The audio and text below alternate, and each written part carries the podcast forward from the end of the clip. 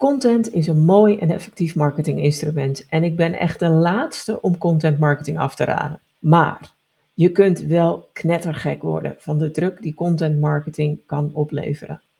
Blogs, video's, reels, TikToks, podcasts, e-mails, nieuwsbrieven en social media berichten voor ik weet niet hoeveel platformen. Het is te veel. Veel te veel. Maar ik zei net met opzet dat het druk kan opleveren. Het hoeft namelijk niet. Hoe je jezelf beschermt, maar wel effect blijft houden met je content, hoor je in deze aflevering van de 100% Expert Podcast. Mijn naam is Linda Krijns en als contentstratege help ik kennisprofessionals en bedrijven om hun expertise beter vindbaar en zichtbaar te maken.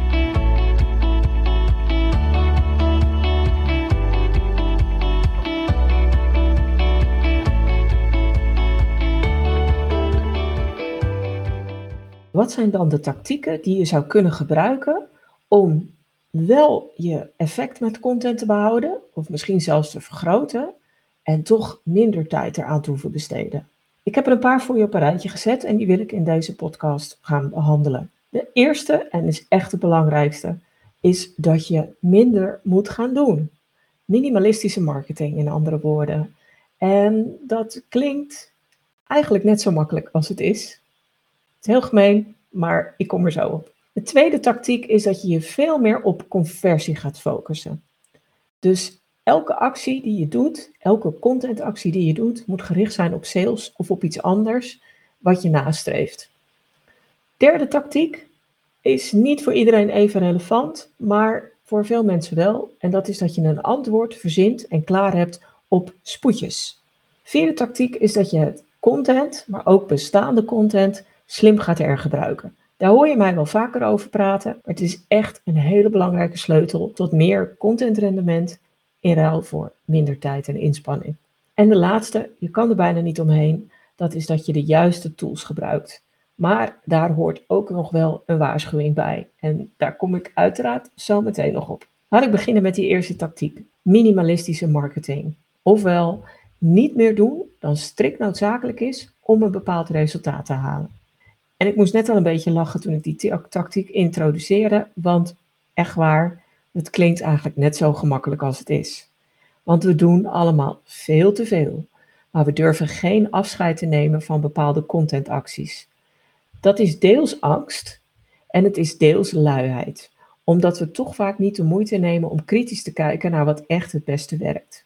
En soms zijn het ook wel de mensen en de dingen om ons heen hoor. De collega's die roepen dat we echt op TikTok moeten. Of dat we meer of dan wel vaker een nieuwsbrief moeten sturen. Of dat we nog veel vaker moeten posten op social media accounts. Serieus, het is klinkklare onzin. Want hier komen de angst om iets te laten en de omgeving die denkt of vraagt dat er nog meer contentacties moeten komen, samen.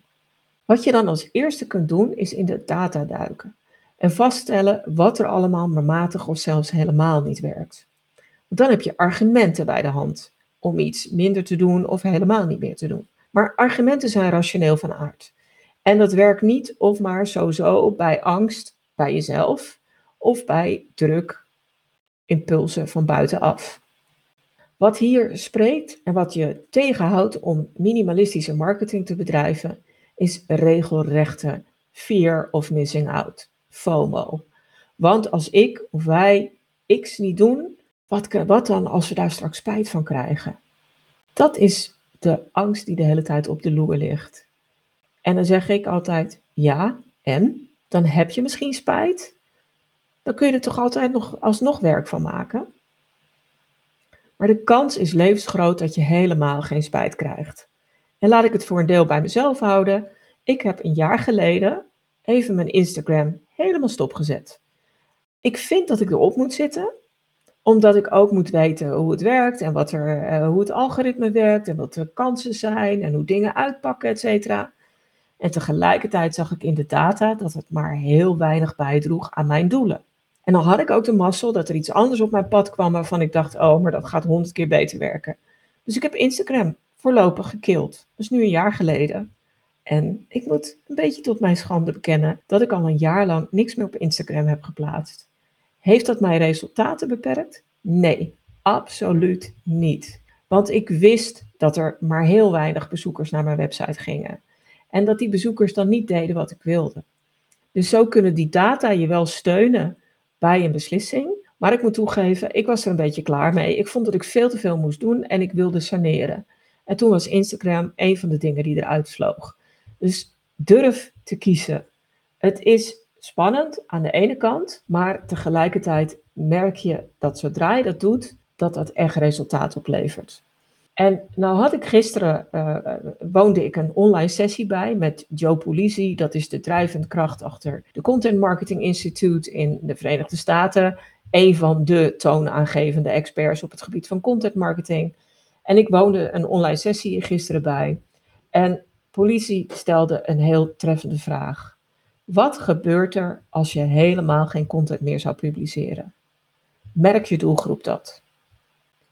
En eerlijk is eerlijk, in 9 van de 10 gevallen is het antwoord nee. Want er is zoveel content in de wereld dat jouw doelgroep waarschijnlijk niet merkt dat jij even niks publiceert of dat je veel minder publiceert. Want er is al genoeg andere dingen. En hooguit je echt trouwe fans, dat zijn ook de mensen die, waar je natuurlijk het meeste resultaat mag verwachten, ja, die zullen het misschien merken. Dus je kunt echt gerust keuzes maken en bepaalde zaken niet meer doen. En wat je eventueel kan doen is als je het toch iets wat te spannend vindt, dan kun je zeggen van ik doe het tijdelijk niet meer en dan ga ik kijken wat het effect is. En dat kun je ook soms, als dat moet, als je collega's hebt die daar kritisch op zijn, zou je dat ook intern kunnen kortsluiten en kunnen zeggen van we gaan dit even afsluiten of tot een minimum terugbrengen en we gaan kijken wat het doet met onze data. En dat doen we een week, dat doen we een maand. Dat levert geen schade op, maar we willen weten wat er, wat er dan gebeurt. Maar niet iedereen heeft gelukkig te maken met collega's die aandringen op van alles of leidinggevende, et cetera. Dus je kunt ook in andere situaties, en zeker als je zelfstandig ondernemer bent, kun je je gedwongen voelen om echte keuzes in content te maken. En zo'n keuze is soms dat je uh, iets niet meer gaat doen en dat je dan iets anders oppakt wat je supergoed gaat doen. Een proces wat je dan zou kunnen toepassen is het volgende. Je kiest een basisformat dat je echt goed doet. En met een basisformat bedoel ik dan video, podcast, een blog of artikelen. Eén van die drie. Dat is een heel mooi basisformat waar je al heel veel mee kan bereiken. En die content, die ga je promoten tot je een ons weegt. Wees dan niet bang dat je te veel promoot en je publiek misschien gaat vervelen. Want als je content spin-offs gebruikt die niet te veel tijd en moeite kosten, maar waarmee je wel die basiscontent steeds in het middelpunt van de belangstelling weet te krijgen, dan gaat die basiscontent veel meer rendement opleveren en heb je veel minder werk. Want je hoeft niet elke week nieuwe content te maken. Nieuwe blogs, nieuwe artikelen, nieuwe video's, nieuwe podcasts als je dit bestaande content maar echt super goed gaat gebruiken. En met de vierde tactiek, hergebruiken, kom ik daar zo meteen ook nog even op terug. De tweede tactiek die je kan toepassen is een focus op conversie te hebben. En met conversie bedoel ik dat je je richt op sales of omzetdoelen of om de uiteindelijke actie waar je op aanstuurt als je bijvoorbeeld non-profit werkt. Want heel veel content richt zich op informeren, inspireren of entertainen. En dat is mooi. Hoewel, wacht even. Wat gebeurt er als je in kaart brengt hoeveel tijd en middelen daarmee gemoeid zijn? Tijd en middelen die je misschien beter kunt inzetten met die conversie in je achterhoofd. En wat bedoel ik daar dan mee? Vaak richten we ons op vindbare content maken. En die content is heel vaak gericht op hoe-doe-achtige vragen. Mensen die op zoek zijn naar een definitie, een stappenplan, manieren om iets te realiseren, voordelen, etc.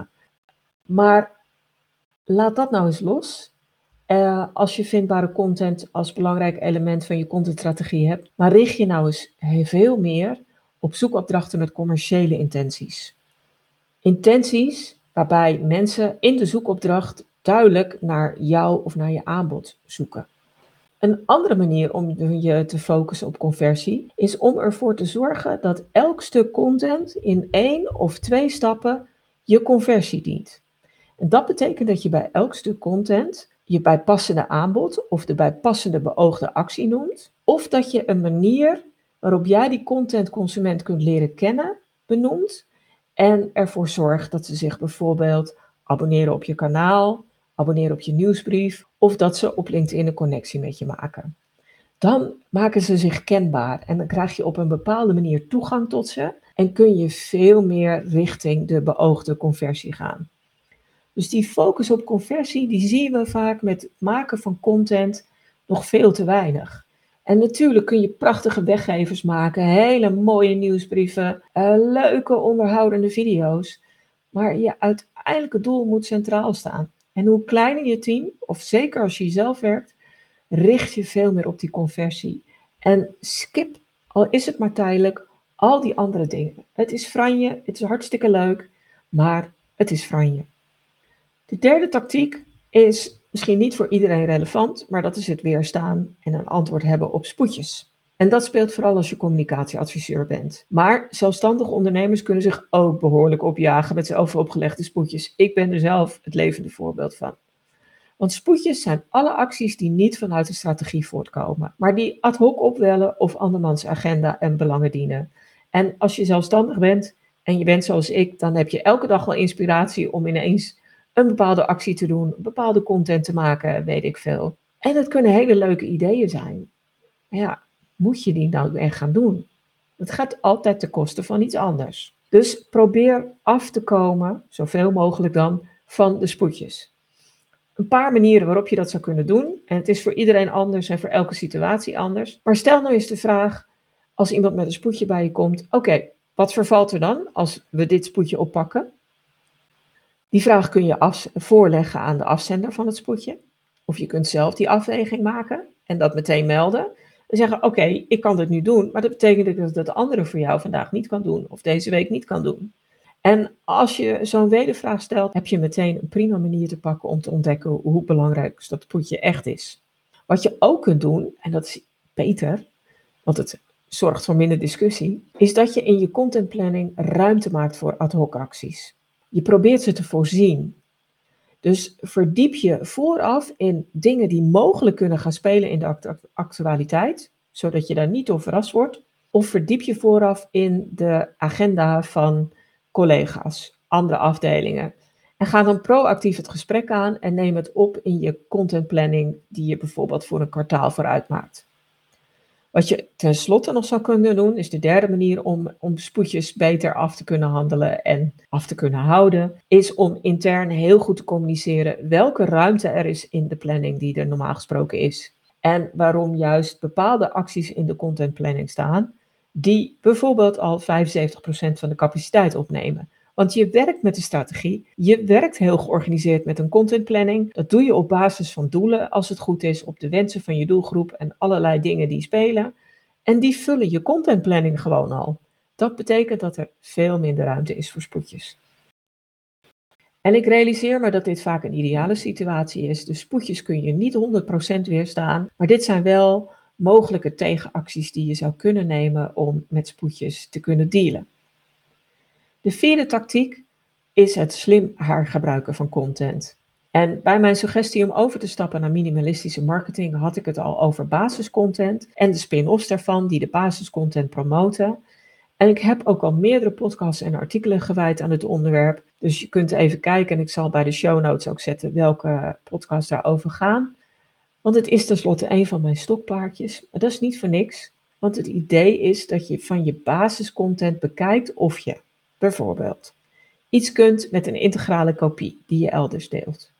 Of dat je fragmenten los kunt gebruiken, met zo weinig mogelijk ingrepen. Dus quotes of afbeeldingen die je los kunt inzetten, die zet je los in om die basiscontent te promoten, waardoor het rendement van die basiscontent groter wordt.